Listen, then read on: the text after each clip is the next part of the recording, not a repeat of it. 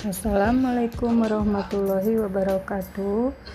Pada kesempatan ini, uh, saya akan menjelaskan mengenai penjelasan umum tentang motor diesel putaran tinggi. Pada prinsip kerja motor diesel putaran tinggi dapat dilihat pada gambar di bawah ini. Seperti juga uh, penjelasan sebelumnya, torak yang bergerak transparansi atau bolak-balik di dalam silinder dihubungkan dengan pena engkol dari proses engkol yang berputar pada bantalannya. Demikian prinsip kerjanya.